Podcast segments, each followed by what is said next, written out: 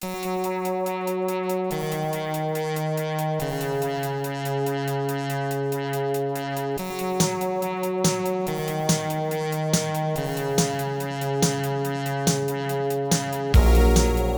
to First Draft with me, Sarah Ennie. Today I'm talking to Rhoda Belleza, children's book editor and author of Empress of a Thousand Skies, her debut YA novel, out February 7th. Rhoda was kind enough to respond to a very random Twitter message, and even kinder to invite me to her super cool office space for the interview.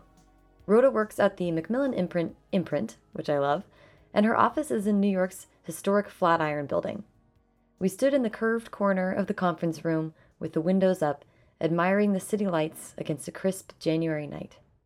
Rhoda has taken a delightfully wacky route to publishing, which is my favorite kind of route. She's funny and snazzy and had me so caught up in conversation that I totally went over time and made her late to another book event she was attending that evening. My bad. I found her delightful and inspiring, and I can't wait to share her thoughts with you. So, throw on a winter jacket, picture a clear, cold night in Manhattan, and enjoy the conversation. Hey.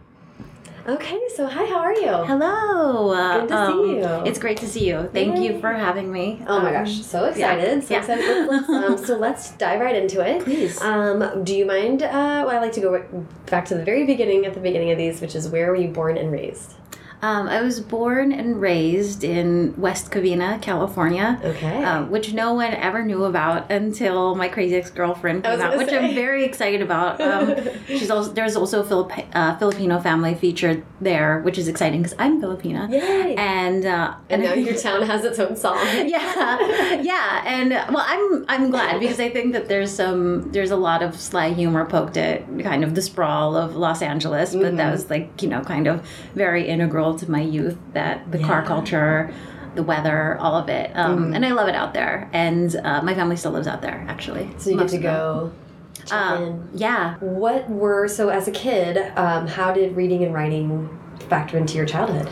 Right. Um, I was a slow reader, and I actually have memories of being in a remedial class. I'm not really sure. My mom had denied that, uh, but I, or, or you know, I think that we had come to a compromise, and she said that it wasn't remedial, but it Mhm. was, you know, it was definitely for uh, slow learners. So uh, um, I don't have lots of stories of. Um, the one book that I loved being read to when I was younger it just wasn't that kind of situation growing up although we were surrounded by books. So uh, by the time i hit like the third or fourth grade and hit my stride in terms of reading Mhm. then i read voraciously i read anything i could get my hands on and you know because we weren't a family that bought books for children that i was reading a lot of adult literature at a pretty young age Oh wow! and so, you know, as soon as I learned how to read, I was I was definitely reading, you know, things like Where the Red Fern Grows and like things that I had been assigned for school. But outside of that, I was reading like Reader's Digest and uh, um, and the Bible and yeah. um, when I remember being young and that being a very kind of shameful plot point in my life, you know, in terms of like like not being able to read as quickly or just pick up on certain things that the way other children could. But I just realized in retrospect that I was a much different learner. And uh, um, I was gonna say, what made it click? Do you think? um, it's like I can't even really put my finger on it. I just remember. I mean, oh, also I was definitely reading kid stuff because I read. I like blew through all the Babysitters Club, Oh, obviously, and uh, um, once I realized that it was a world in which you could escape into, and it wasn't. I was just gripped by reading once it came to me, and. That's I so wanted to read. Yeah, I wanted to read in the car. I wanted to read in church. Mhm. I wanted to read instead of going to sleep. It's all I ever wanted to do. So you kind of made up for lost time. I think so. Yeah, I you know my sister joked about that. You know, and I remember you know my sister's older, so D, it's like in their DNA to be like Mhm. mean. of Of course, yeah, older siblings. yes. Um, I remember her being like, "You're gonna be a bookworm," and like that was an insult or something. But So funny. I I don't know what made it click, except that once it felt like a truly immersive experience for me, Mhm. then I just I never wanted to do anything else. Oh, that's really interesting. What about um, writing? writing. Um, so then I, wrote just as um, like as soon as I could read, I was writing. I remember I really liked fantasy when I was younger, so it was always some sort of like woodland setting, and uh, um, there are these uh, you know folk tales from the Philippines, and they involve uh, these dwarf like creatures and like my family believed that when something you know that that sensation or not sensation but that moment where you lose something and you look everywhere for it and then three weeks later it shows up in the most obvious place like my mom always told me that that, that was the dwarves you know Really? and so that. and uh, yeah they were called duendes and you, you know so there were like i came from like kind of a superstitious family so without even realizing it i think there was i was writing stories about like fantasy elements but religious elements too which and now i realize are kind of mm, it's not that you could converge them easily but when you think about like the kind of adoption of larger religions adopting like certain saints and things mm-hmm. like that and like kind of create t- taking folkloric slash religious type local figures and like incorporating them so that they're mm-hmm. saints you know mm-hmm. and things like that. Um, i think that i was like very much living in the crossroad of that culturally and like did and did like come up with stories you know and, you know and stories being like a paragraph long which felt like so long when you were just learning how to write do you know what Yeah, i mean yes, like not even just putting together the story but like have you i don't know when the last time you i guess you hand wrote this when i'm looking at her notes right now and uh, i i hand wrote a letter the other day and it took so long Yes. Yes. yeah It takes forever. I, I like to do when I'm at like a brainstorming stage. Mhm. I'll, I like to Hmm. handwrite it because i do too yeah you sort of like it makes you slow down. It kind of makes your brain work in the in, in this other way and like tease things out. And, And so- there's like also things that I don't oh, I don't have my notebook with me, but there's also things you can do in terms of arrows and indentations Yes, yes. and you know big Connect circle. ideas, yeah, yeah. And you know you can you can indent in word, I guess, but there's not really that kind of dynamism. Yeah. Is that a word? Dynamicism. Dynamic- yeah. okay. Totally. Like that one. I like that. So so it kind of sounds like your house growing up is was maybe like a little magical. Like Yeah, I mean, you know, I think lots of kids feel that way about their house, but I do think that there was um, a lot of storytelling, which is maybe why there was less of an emphasis on books. And I think there's also a class issue at play as well in terms of um, parents having to work full time and, you know, the availability. And also, you know, both my parents, you know, they spoke fluent English, but I think that there is not the same sort of, you know, I don't know. I think that there are a lot of theories floating around as to why it didn't happen, like at a young age. But once I could read about myself, it's, it was fine. I Yeah. Yeah. That's cool. So so do you feel like genre and fantasy stories like that was right away something you were really really pulled to? I think yes, as a child for sure. Yeah. And then, uh, and then I got a little bit older, and um, like fancied myself like really sophisticated, you know. And so, um, and so I, I started reading stuff that you know it was at a reading level I could manage, and I could probably comprehend what was going on, but I don't think that I necessarily understood the heart of it. Mm-hmm. And you would say that about any book at any age. So I don't think it was a function of me being a teenager, but reading an adult literary story, a quiet domesticity of a household and a divorce, like slowly Right. You know, I mean, you know, stuff like that, which is totally the stuff that I was reading when I was 16. Mm-hmm. I, I don't think, you know, I wish that I had had more YA in my life, to be honest, Right. you know? Um, Right. I look back at stuff I read in high school and Mhm. it's like I had to reread all of that. Like I didn't know what Mm. you know any of this really meant. I you know I didn't have any life experience, and I think that that is what's so great about having YA for. Like the fact that YA is so great now because it's like let's meet teens where they're at. Like, what are you dealing with? Like, Yeah, yeah. Um, yeah, I remember like I read Kundera when I was in high school and Oh man. thought that I like really connected with it. Like what? Like, I know. I mean, uh, and that book in particular, uh, like I will reread like maybe every five years. But you know, I love YA for that reason. And even when it's genre, there is like kind of stuff that you can understand. Like obviously, a good book like transcends age group. Mm-hmm. Picture books, they're children's books that I will read forever and ever and ever because they like just like hit me every single time. Yeah, totally. But you know, I mean, I think that thematically, what teens are dealing with is uh, it's such a well, you know, I used to work with teens. I was a teen a long time ago, and uh, what they're dealing with, I think it's so easy to trivialize their Yeah. their lives because, like, you know, fine, maybe like most of them are not paying rent or a mortgage or something like that. Although lots of them are, but I just think that it's so easy to write them off as like having it made because you know they're young and they Yeah, don't have the you have financial responsibilities yet, you know, and you know they look a certain way. Like I, I just I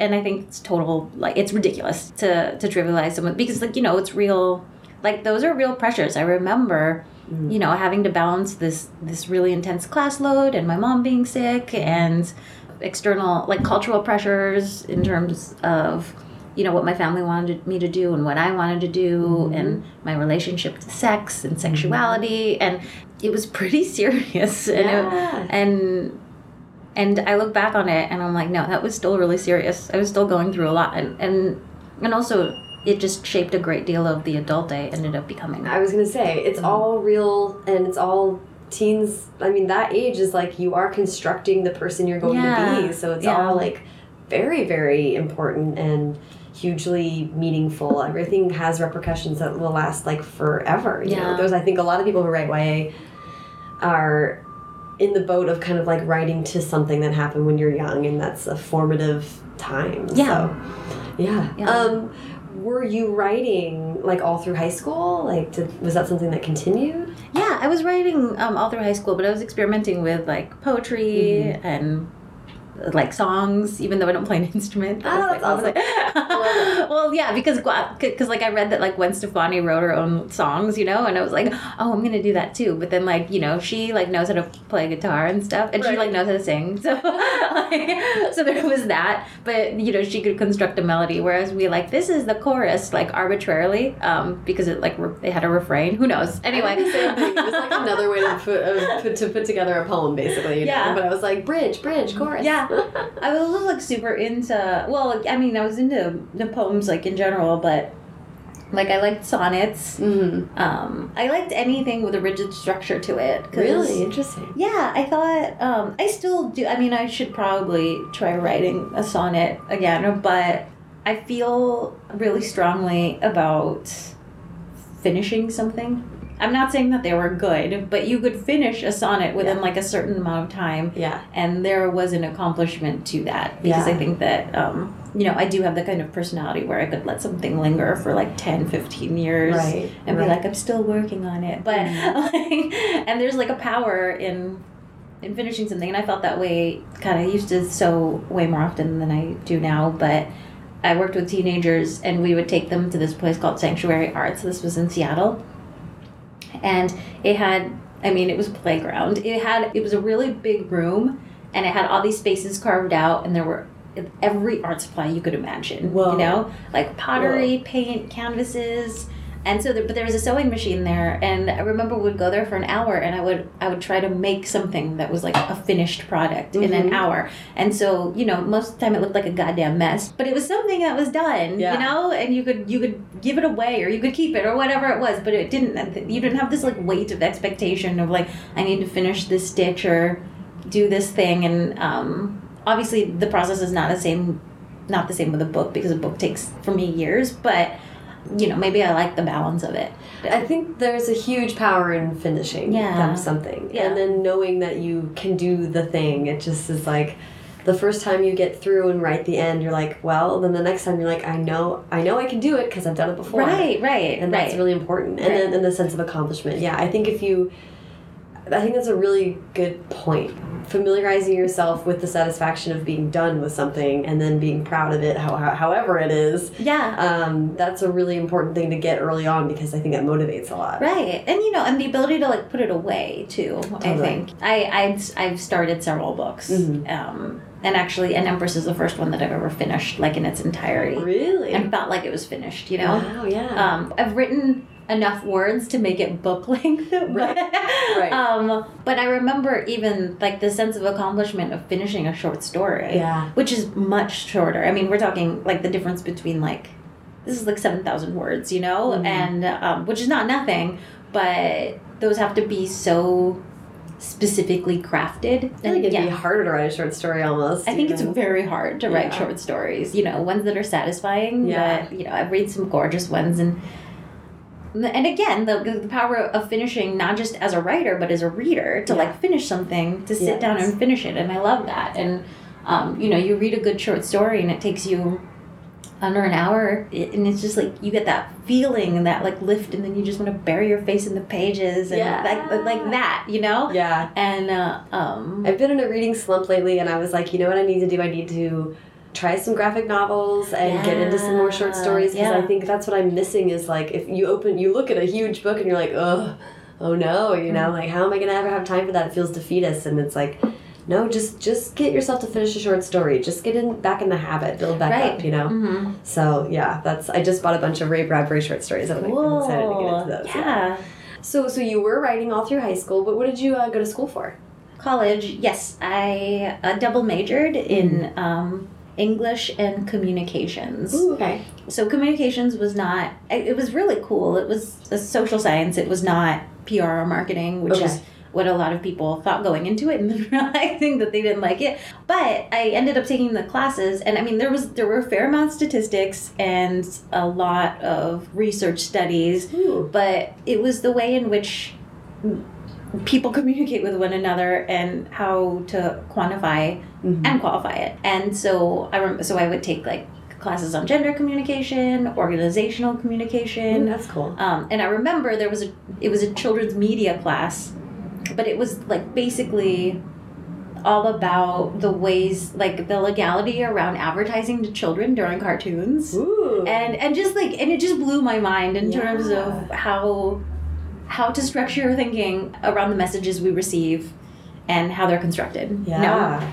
Oh, yeah. um, and so it actually felt like kind of a perfect pairing with literature which i added on actually. So i was for sure going to be a communications major. And then i went to england for a year to study abroad. And i was already getting an english minor. And then i went to england and I had finished out most of my communications credits and did, did some like and that was really cool taking media classes in England that Yeah. transferred over but then I started taking literature classes and then I came back and I got really into like modern American literature Mhm. like everything post the Harlem Renaissance Mhm. and it was just it was really really exciting Yeah. but again most of the focus was on adult literature Okay. I mean, I, I wonder if I don't even know if they offered classes on children's literature. It's you know, not- I don't no, remember. It wasn't that, that common anyway. I think it's Mhm. more common now, but yeah. Mhm. Well, so how did um, that's so interesting? How did were you also writing during that time, or No, I think I had taken a pretty serious break from writing Mm-hmm. through college. I mean, college has a lot of other writing. You're like doing essays. Yeah, or- yeah, like tons of essays. I mean, I think that was that's when I became familiar with writing all night. you Yeah. know? oh my gosh. Yes. And, uh, totally. and like knowing that uh, my body had the capability of not sleeping or and also i think that was the first time i you know i was under a lot of pressure as most young people are in in high school but in college is when you at least for me when i just really needed to know how to manage my own time Yes. with um, kind of no kind of outside punitive uh, there was no accountability apart from your grade at the end of the semester yeah. or the quarter. And I remember there were lots of times I had one of those wall calendars. And like every day had like a box that had like four lines in it, like writing lines or whatever. And so I remember during finals week, I would put down like all my finals and all the papers due. And just be like, I'm not gonna sleep for like four or five days, and then it's gonna be over. And like I remember that happening, and being like, I could, I can do this. I know how to manage my time. Mm-hmm. I'm not saying healthily, but like you know, That's not ideal. Like but yeah, you can do it. Yeah. Yeah. No, but I didn't know. I didn't write. I barely wrote in college, actually. Now I think about it, but I did do a lot of reading Mhm. in the summers and stuff. Kind of building the backlog of Yeah. all that stuff to pull from. Yeah. So how did what happened after college? Take me to how did how you left school and then end up finding um, publishing or editing. Right. Yeah. So I would say that like writing, editing is a second career or Mhm. third. I don't know. It's hard to keep track of. I, I- I did like a bunch of things in college um, in, ter- in terms of jobs, but right after college, I got a job. It was my dream job. I got a job at Planned Parenthood. Ooh. Um, cool. It was the Orange County um, San Bernardino one. Planned Parenthood. I was a marketing coordinator, and then I did some sex, sex education as well. Um, but it was like it was such a dream job when I got it. You know, I been a really passionate advocate of women's rights all through college.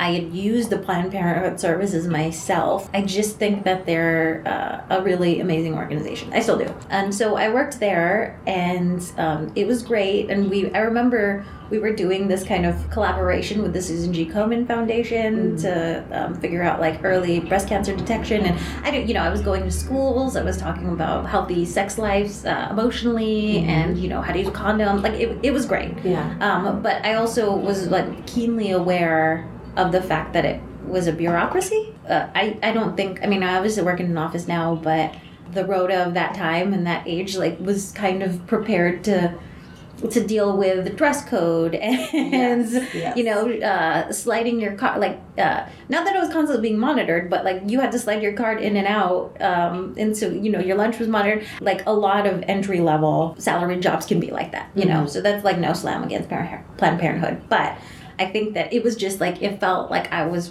working for a company Mm-hmm. and i didn't know if like the traditional office setting was for me Mm-hmm. um, Well, we were just talking about like I because I felt the exact same way, and Mm-hmm. it really was like. I had I found a lot of success in college, like you're saying, where I was self motivated and where I was I was determining my own time, and it's like you get those four years to sort of like really figure out that you can do that, and you and to get your own schedule and figure that, and then like, and then yeah, your first cubicle cubicle job when you're 22, it's like you really it's like micromanaged and you don't have any power, and it's like Yeah. oh wait a second, what? I, I also have always found it really problematic when I when I have a dress code. Yes, You know, um, it's Yeah. always been a problem. So, you know, so I decided I was oh oh I was also always always into tech. I should go back and say that I was maybe like thirteen when America Online or AOL was. Uh-huh. I yeah I'm trying to remember how old I was, but. So I, I'd always had a love for tech. I am in that sweet spot in terms of ages where Mhm. I remember the world Mhm. pre-internet, like a Mhm. lot of it. And I also remember, like even when even when the internet like did roll out in a big way, we were still looking things up on MapQuest. Mm-hmm. There was this was like pre Google or Yahoo, and then we were printing them out and then like looking around. Like there was still like, there was still a lot to be desired in terms Yeah. of like the way in which tech like enables our lives now. Mm-hmm. And so, um, but, you know, but I had I'd formed like online relationships, you know, like friendships. Like I I joined chat rooms. Like I think that I was kind of an early adopter of online communities. So I left Planned Parenthood mostly because I wanted to move from California. So I moved up to Seattle. I worked at like a like a marketing tech startup, I Okay. guess. And the reason I took that on was because one, I just like love technology always and forever, and um, two, because it was a really really small company and there were only I think I was employee number thirty or something. Yeah, Like, startups are Yeah. very chill. People could take their dogs to work, and the, and my manager was young. Like there, there were a couple things going on that made it feel like it could be the right fit. Yeah. And it did feel like the right fit for a while, and then it didn't. But again, like it was because ultimately there was still the trappings of an office that I just Right. hadn't been ready for at the Right. time. I left tech, but I was still in Seattle. And then I found a job that I really loved, and I stayed for uh, stayed with for a while. But I worked at the YWCA um, at a homeless shelter, Mhm. and I was part of what's what we called a pre-employment program, um, which meant that I had uh, um, a certain amount of students who were considered homeless through a bunch of criteria that I'm not going to go into, but they were considered homeless, and um, they came to this work program that we had, and I worked with them on creative writing and finishing like a project, which wow. which could have been anything. It could have been they were zines technically, and like so it could have been autobiographical. It could have been like on skateboards or Yeah, yeah, yeah. you know Tupac or whatever it was that they wanted That's to write their project on. And they were with me for a couple months, but in conjunction with showing up to work, again, is what we called it. They got paid minimum wage. Uh, they also uh, worked with my partner who was a case manager. Mm-hmm. So he was the one, he did the real hustle, you know? He was the one who figured out how to get them. Like, you know, a, a lot of the, they, they came from really adverse circumstances. So they just like didn't have anything. It's not like you run away and think to take a piece of mail or whatever. Do you know what I mean? Right. Um, you know, most kids don't have IDs, or at least they didn't at the time. Yeah. any of these things you need. And so, all of the things that you need to like operate in modern society in terms of um, your ID, getting housing, if you need a driver's license, if you need like medical attention, like you need to be on the grid in some way. And so, he worked all kinds of magic in figuring out how to get certain pieces of ID with certain criteria. You know what I mean? Because Yeah. you need like a piece of mail or a piece of this or a piece of that. Right, and so, right. there's always some sort of puzzle putting together per student Yeah. what they needed. And for me, I helped them with like their kind of creative endeavors, but also they hadn't formed like certain habits yet in terms of knowing not to show up to work like hi or with a hickey or something like Right, that right. you know what i mean which is which seems like common sense to a lot of people but if you just like don't have the kind of experience around um, steadily working people it's just not even something that occurs to you Yeah. and so it was a training like that but that's actually you know that was that was my entry point into teenagers and Yeah. YA literature because uh, I was trying to figure out I wanted to find them things to read that Right. were cool I could find like a fair amount at that point of like realistic YA fiction which was great I Mhm. remember I remember like Mexican White Boy by Matt De La Pena was, Yeah. was like one that I had referred to over and over again. Uh, but I couldn't find a lot of genre stuff Mhm. um, with kids of color or you know kids from adverse circumstances Yeah. and backgrounds and stuff. Not that people weren't writing them, but once again, I just like I didn't know anything about publishing. Right. It had never felt like a viable career or any kind of career at all. Like I think Mhm. that I was like felt really neutral about it, about that and writing because I mean I was passionate about writing, but I never thought that I would be a published writer. Like Right. that these were not realities to me. And Yeah. so you know, and I remember it became kind of like a search to this blog led to this blog and this librarian Yeah. suggested this and then like kind of I started to feel my way around it and it was a great job and I really loved it and I got laid off when the program kind of switched organizations. One of my friends got a job out in New York Mhm. and so he was moving to New York. And then I was just like, well, I'm jobless. I'm in Seattle. I've been here four or five years. I knew that I had wanted to like move around the country Mhm. and see what different parts of it looked like. I'd always been curious about New York, but then it always felt like, no, New York's not for me. I'm not gonna. Oh, really? Oh, yeah, no, I never thought I was gonna move to New York, but um, my friend got a job out here and then came out to go do whatever initial job st- stuff. And so I uh, I came out with him and then we stayed in Brooklyn. Mm-hmm. And I was like, wait, I love New York because it's not the city. My brother used to live in Long Island, and we would come and then go to like Grand Central. I was constantly lost. I was always cold. Like I Yep. didn't. Yeah. Um, it was like Midtown, and then like. Anyway, there was just like I didn't know anything about New York. Basically, is what I realized. And then that's when you know because I had kind of done more research in publishing. I was just like, should I just should I just like do this? Or should I try to get into publishing? And uh, you know, and at that point, I was freelance writing, just um, tech stuff, you know, Okay. like brochures and stuff. Mm-hmm. So basically, I had zero experience Mm-hmm. In publishing, and then there was like this twenty-eight-year-old like applying for internships. That's no shade because I did an internship at 28, and uh, and yeah, and something came up um, at a place called Paper Lantern Lit, which was a literary development company. Uh, I had no idea what it was, but I talked to both the founders on the phone, and I thought it was really intriguing, and they seemed super smart, and ended up being super super smart Mm-hmm. they're like, yeah, you know, you can help out. You have the marketing background. You have some knowledge of literature, and Right. you can speak English. Yeah, I. I mean, probably not that. We did talk on the phone for a really long time, and then, but you know, it was low risk for everyone. Right. So you know, I ended up interning for them, and then I ended up freelancing a middle grade project for them, Okay. and then I ended up being their first full time employee. Amazing. Yeah. So what were what were you doing your first job in there? What they they liked your marketing background, but what exactly did they have you doing as an intern? Um, like all like all kinds of admin stuff. A lot of marketing can be admin, you know. Yeah. I mean, I remember what my first like the first freelance project they handed off to me Mhm. was a middle grade with like magical realism elements to it, and it was more just like fleshing out the outline Yeah, and figuring yeah. out where that went. And then once we hired a writer, then it was like incorporating. Then it was editing Yeah. and kind of finding the rhythm. And so um, that was a really, really wonderful job because then it evolved into a job. And I was there for like four years. Yeah. Super smart ladies and like a great team, Mm-hmm. you know, in terms of my coworkers. And really instrumental in my understanding of like how to plot and uh, find the rhythm within a scene and how to string Yeah. all these scenes together. I'm not saying I'm like super good at it, but, but I mean, I still think I have a lot to learn. But you know, I mean, I think that there's this. I talked that um, you know, Kami Garcia talks a lot about this, but how there's there's seems to be this like impenetrable like aura around like writing and Yeah. writing professionally and being published, but like Yeah. anyone can do it. You know, it's hard Mm-hmm.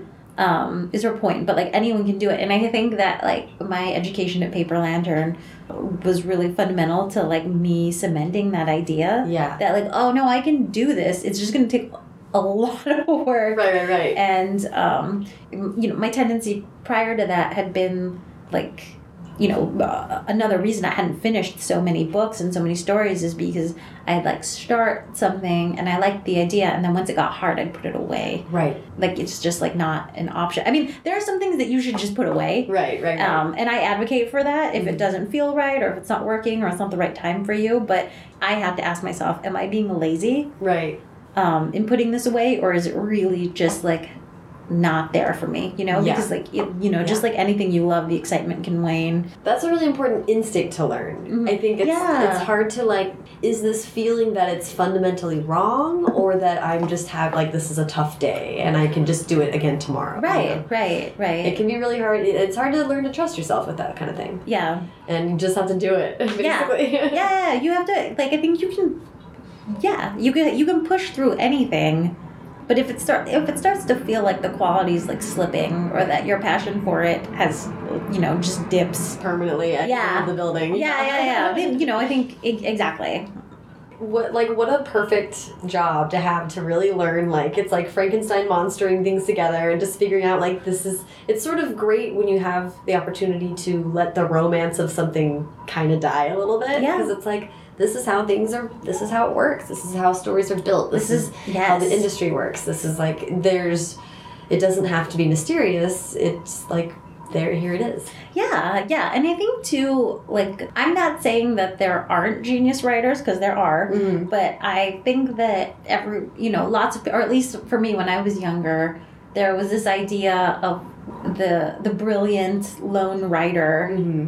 and it was just like a born out of his or her head like Right. Athena. Do you know what I mean? Yes, like it, yes. it came out fully formed That's- and quickly. That's, that's totally what I thought. Like Yeah. in my head, authors were just literally in like white towers and was like Yeah. gifting you this one. Right, exactly, exactly. magic. And there is that element still to this day for me thinking that some authors are white towers. And, and I do Right. think that their books are gifts. But like now when I get a book, I'm just like, they worked really fucking hard on this. Mhm. And like I am not gonna take this for granted. Yeah. You know? yeah, Um and I think that's an important instinct too, when even when you have criticisms. Mhm. Uh, and I think that you should criticize books. And I do advocate for bloggers like being really transparent about they how they feel about a book, you Yeah, know? yeah. Um, but I also am just like somebody worked on that really, really hard. yeah, yeah, like, So- like like take critique. That's a really Like- yeah, that's an interesting point. Like critique is welcome as long as you come to a critique saying someone was trying to do this thing and don't, and not like this is lazy and schlocky and whatever. It's Right. like no, like someone worked at it. Right. I mean, you know, I think that I, it's like it's it's slippery because I do I really really do advocate for bloggers. I appreciate them so much. Mhm. They put in so much work Yeah. for the community, really and I know that. You know, um, sometimes I'm just like, you can say that you didn't like something. You can even call something lazy. I'm okay with that. You Mhm. know, and list the reasons why. And I think that, that that's fair to come at a review thoughtfully. Right. I think is always always a wonderful service Yes. to provide. then you're adding to the conversation Yeah. and it really helps yeah like that's constructive Yeah. sure. constructive and again it's not like it, it's not like it's a blogger's job to to help us you know write better books necessarily but i think as a writer i value even even bad reviews if I feel like I understood where the person was coming from, why they don't like something, where mm-hmm. I fell short for them. Right. You know what I mean? Like Right. that is that is I do. I'm not saying I like reading reviews like Right, that, right, but, right. but I get it. I get it. But I- that's more, and that's more interesting and, and feels more helpful and like engaging than like a review that's just a gif of someone throwing up. It's like yeah. I don't really know what that means. You're like Why? it's kind of funny though, but still. exactly. so let's um let's get to Empress. Um, so you're working at Paper Lantern Lit. You're getting the chance to kind of be in the ground floor and helping to brainstorm these other projects. How did Empress come about? Yeah. So Empress came about because I was, you know, I wanted to work on a sci-fi project, Mhm. and so I had come up with kind of the initial work for it, the pitch, the characters, three intersecting storylines, like what the world was going to look like. And then once I was done with it, I had felt protective of it in a way that I hadn't before for any kind of paper lantern project. Interesting. So I went to them and I was like, I want to write this, you know. Yeah, yeah. And and then that's how it happened. You know That's what I mean? awesome. Were you Um, nervous? Were you like, I don't know if yeah. they're gonna let me do Well, I mean, yeah, because it was. I wanted to be the best writer for it. Right, You know what I mean? I'm always looking to pair the best possible writer with the with the project that that that speaks to their voice. Right, You know. Right. And so I was open to not writing it, but I really wanted to. Do you know what Yeah, yeah, I mean? yeah. Well, and being nervous that you love this idea so much, am I like up to the challenge of? Right. I mean, all of it. justice, I think all, I think all of that happened, but you know, they were super supportive. Um, you know, I don't work there anymore, but obviously, I still collaborate with Paper Lantern, Mhm. and they were really supportive about it. So that was like fascinating, just from a writer's perspective to, to to write a book, like regular check-ins with someone helping you kind of flesh out an outline because. I'd been through lots of iterations where I would write something and then I would have a check in, and then, you know, the Paper Lantern editor would be like, mm, this beat and this beat and this beat could use some work. Right. And then overall, the character arc. Like, it was basically a really intimate, real time writing group Mm-hmm. where like people were fully accountable to you Right. if that makes sense i mean i've been i've been parts of lots of writing groups and i think that there are um they're invaluable Mhm. but i i have been through some where like other people have to do what they need to do so they're like in and out you know what i Mhm. mean but this was kind of this was just dedicated and Yeah, constantly available focus. yeah yeah yeah Yeah. full focus and so um so I wrote a couple of bad drafts, you know, Uh-huh, uh-huh. and then uh, um, oh yeah, and then so you know it's coming out with Razorbill, and my editor's name is Tiffany Liao, and she's brilliant, Yay. and uh, um, you know, and then uh, um, once we had like a working proposal, then Tiffany, then Razorbill came on board, Mhm. um, and then Tiffany weighed in. And then the book just got incrementally like better. You know what I mean? right. Like, and and this is really important to me to say because I am an editor and a writer. But like your first draft is supposed to be bad. Mhm. You know, it's just just like take it as truth that it's not going to be good. You know, Right, right, right. and, that, and that it's okay. You know, I mean, yeah, it was slowly built. It was like uh, reworked, and the first draft that I wrote, we had to totally rebuild like forty percent of it, probably. Wow. Yeah. Um, so then I wrote 110,000 words, and I was like, this is my draft. And people were like, no.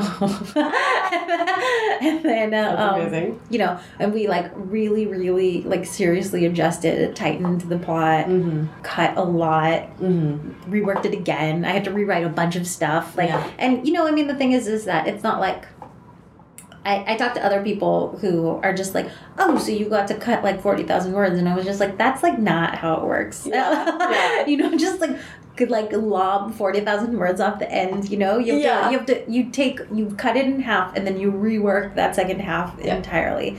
And then, yeah, so that's what happened. And so there was like, it was a really amazing experience in Yeah. terms of like having the support, having really experienced writers and editors um, across Paper Lantern and Razorbill yeah. um, help with that. You Yeah. know what I mean? Like, Then you're on the other side of it. yes, and the, yeah, yeah. And so um, I am on the other side of it. I am an editor. Uh, I've been oh so I work at Macmillan, um, the Macmillan Children's Publishing Group, and my imprint is called Imprints. I love that. Um, yeah, yeah. Which I, uh, you know, and so my boss's name is Erin Stein, and um, she was the one who named it, and she could have called it Erin Stein Books or something like that. But I think I think it was kind of a brilliant move on her part, just because it's not like outside of publishing. I don't know how many times I've had to explain what an imprint is to Right. people, so it's Yeah. just like they don't really care. People don't know anything about that. Yeah. They they like maybe know the difference between like Penguin, Random House, Right. and Yeah. Macmillan. Like maybe, you know what I mean? But um, but the beyond other day, that, someone was like, "What is HarperCollins?" I was like, "Oh boy." Okay. and everybody is like, even checked in on right, this right, right, and that's like and that's fine. That's Yeah. fine. I just want I, I I want people to be readers. I don't need Yeah. them to be publishing professionals. You know? exactly, exactly. And so I work at Imprints and I edit um, the range of children's books. So I acquire picture books, chapter books, middle grade, and YA. that's awesome. It is awesome. It is awesome. I really love it here. Um, Um, do you mind um, explaining what Empress of a Thousand Skies is about a little bit? This so Empress of a Thousand Skies uh, is about an intergalactic war essentially, and it moves back and forth between um, an empress who there's an assassination attempt on her life the eve of her coronation, and then a refugee who is blamed for her death. And so it moves back and forth between their POVs as they try to figure out um, for Rhiannon, the Empress, who's trying to kill her. Um, she connects it back to the people who killed um, her family originally um, six years prior. And Alyosha, uh, the refugee, who is trying to figure out who framed him. and so um, they kind of, their stories kind of escalate while the war between them escalates because the war is kicked off because people believe she's dead. She's in hiding. And uh, um, it's just about them trying to find, like, figure out the truth of, you know, what's happened. Yeah, so it's, um, and it's, so it's them trying to figure out uh, how they fit into a larger conspiracy. Yeah. Um, why the war has has escalated to the point where it has, uh, what the history is, and kind of uh, battling stereotypes and different cross cultural misunderstandings. Um, It feels like, I mean, from from reading up about the book and and hearing what people feel about it, there's a lot. I mean, like it's a very diverse book. The two main characters are are um, are non-white, and it also is like deals with a lot of technology stuff and questions of privacy. It feels like it's a really it's one of my favorite things about sci-fi, which is it takes this totally other crazy world but uses it as a lens to really talk about like very current issues. Yeah, I mean, I was hoping to do that. I think that I've heard people tell me that they feel it's timely, which I'm flattered by, but I also, you know, because there's, you know, there are privacy. Um, there's a thing called the Cube, which is a um, kind of all inclusive technology embedded into your brain essentially. And um, and it's also a communication device and it stores memories. And um, you know there's there's a refugee there's a war. There is uh, a ruler who who people are not supportive of. And so i think that um, but i also think that you could take all of those things and extract them through any point in history you know? And so you know there there's like essentially uh, race politics i think going on in the book too. You know because alyosha is black and uh, rhiannon is uh, part of a ruling class who's like kind of slowly being pushed out by like new waivers um, and I think that I did borrow a lot from the current political climate, uh, but I also think that there's just kind of reoccurring themes um, in terms of the history of America that I wanted to touch upon, you know, and, and not just America, but like kind of global politics and like you know the idea of globalization and what that looks like uh, in a in a galaxy that's far away Yeah. and perhaps like you know in the future. Perhaps set in the future. It's it's not really clear when it's set but Yeah. um, you know given their tech and their ability to kind of travel between planets you figure it's an advanced technology um, I wanted to touch on all that. Yeah. you know, yes, it was timely, but I also, like, in terms of a setting thing, I, I hope that it was timely. But just in terms of characters, I really wanted to uh, um, figure out how to express these two young people and what the kind of external pressures and what was expected from them Yeah. um, kind of compounded and crushed them and made them feel like they had no way out. You know what I mean? And and I think that like because I I think that the, pressure and expectation um, because of their gender or because of their skin color or because of where they are or because of their age was really kind of important for me to portray and so i wanted to do that and kind of create this situation for both of them you know i mean i think that they're different expressions of that idea of um, external pressure kind of getting to you and then figuring out how they navigate their way out of it Yeah. you know um, how they inverted expectation in ways that they could and ways that they played to their expectation and um, you know i mean rhiannon is really arguably like not girly at all but also what does that even mean? Do you know what i mean? Yes, i think that, that that was like really an important question for me growing up. And then for rhiannon is that like there's you know she is into mixed martial arts and mm-hmm. you know when she doesn't like dresses but also she's she's really sensitive and she you know I, I, I just think that um, it didn't it didn't make sense to me that girly meant one thing or another and I think of Rhiannon as girly Yeah, yeah. Um, even though I don't think she fits some kind of traditional mold that had been laid out for us maybe Yeah. um, you know 20 years ago or 30 years ago Yeah. you know, and Alyosha, his expression and what what being a refugee is like, and you know, he's, uh, you know, d- due to some things in the world, he is at the forefront because he is uh, he appears on a reality TV show and what that looks like, and kind of the expectation that he's carrying around for his entire like race, for lack of a better word, you know, like how he's representing his planet and what's important to him. And that kind of pressure i think i wanted to get it like into the nitty gritty of that as well Ooh, I love it. I love it. So unfortunately, we do have to kind of. Um, I could talk to you about this forever, but we do Yeah. going to have to wrap it up. But if you don't mind, I would love to hear just um, advice that you would give to new writers. I mean, I think we touched on this already, but I think you just need to push through the idea. Mm-hmm. You need to you need to stick with it for as long as it feels interesting to you. Um, again, I just think that like you know sometimes sometimes it's going to be hard to tell what the difference between interesting and exhausted is. Yeah, or a good way disinterested or, or you know the difference between disinterested and exhausted i think. Um, that's going to be hard to tell. But i also think that um, you know don't be afraid to follow that thread and see where it goes. Mm-hmm. you know? Just keep writing. I think that that's like really basic advice but it's the only it's the only truth i know which Yeah. is that just keep writing Yeah, I love that. Yeah. Well, thank you so much for oh giving me thank so you much time. This was yeah yeah i'm really really pleased I-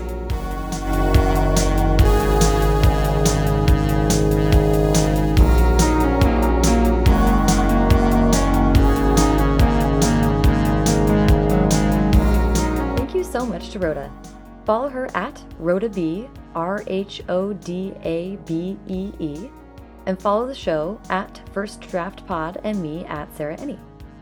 You can find the show on Facebook and Instagram, but for show notes with links to all the things Rhoda and I talked about in this episode, check out firstdraftpod.com. There you'll find a searchable archive of past shows, and you can sign up for the First Draft newsletter. Do it. If you like what you heard, subscribe to the podcast on iTunes. While you're there, think about leaving a rating or review. Every five star review brings me closer to my dream of intergalactic reality show stardom. Thanks to Hash Brown for the theme song, and to Colin Keith and Maureen Gu for the logos. Thanks also to in- super intern Sarah DeMont. And as ever, thanks to all you vengeful space monarchs for listening.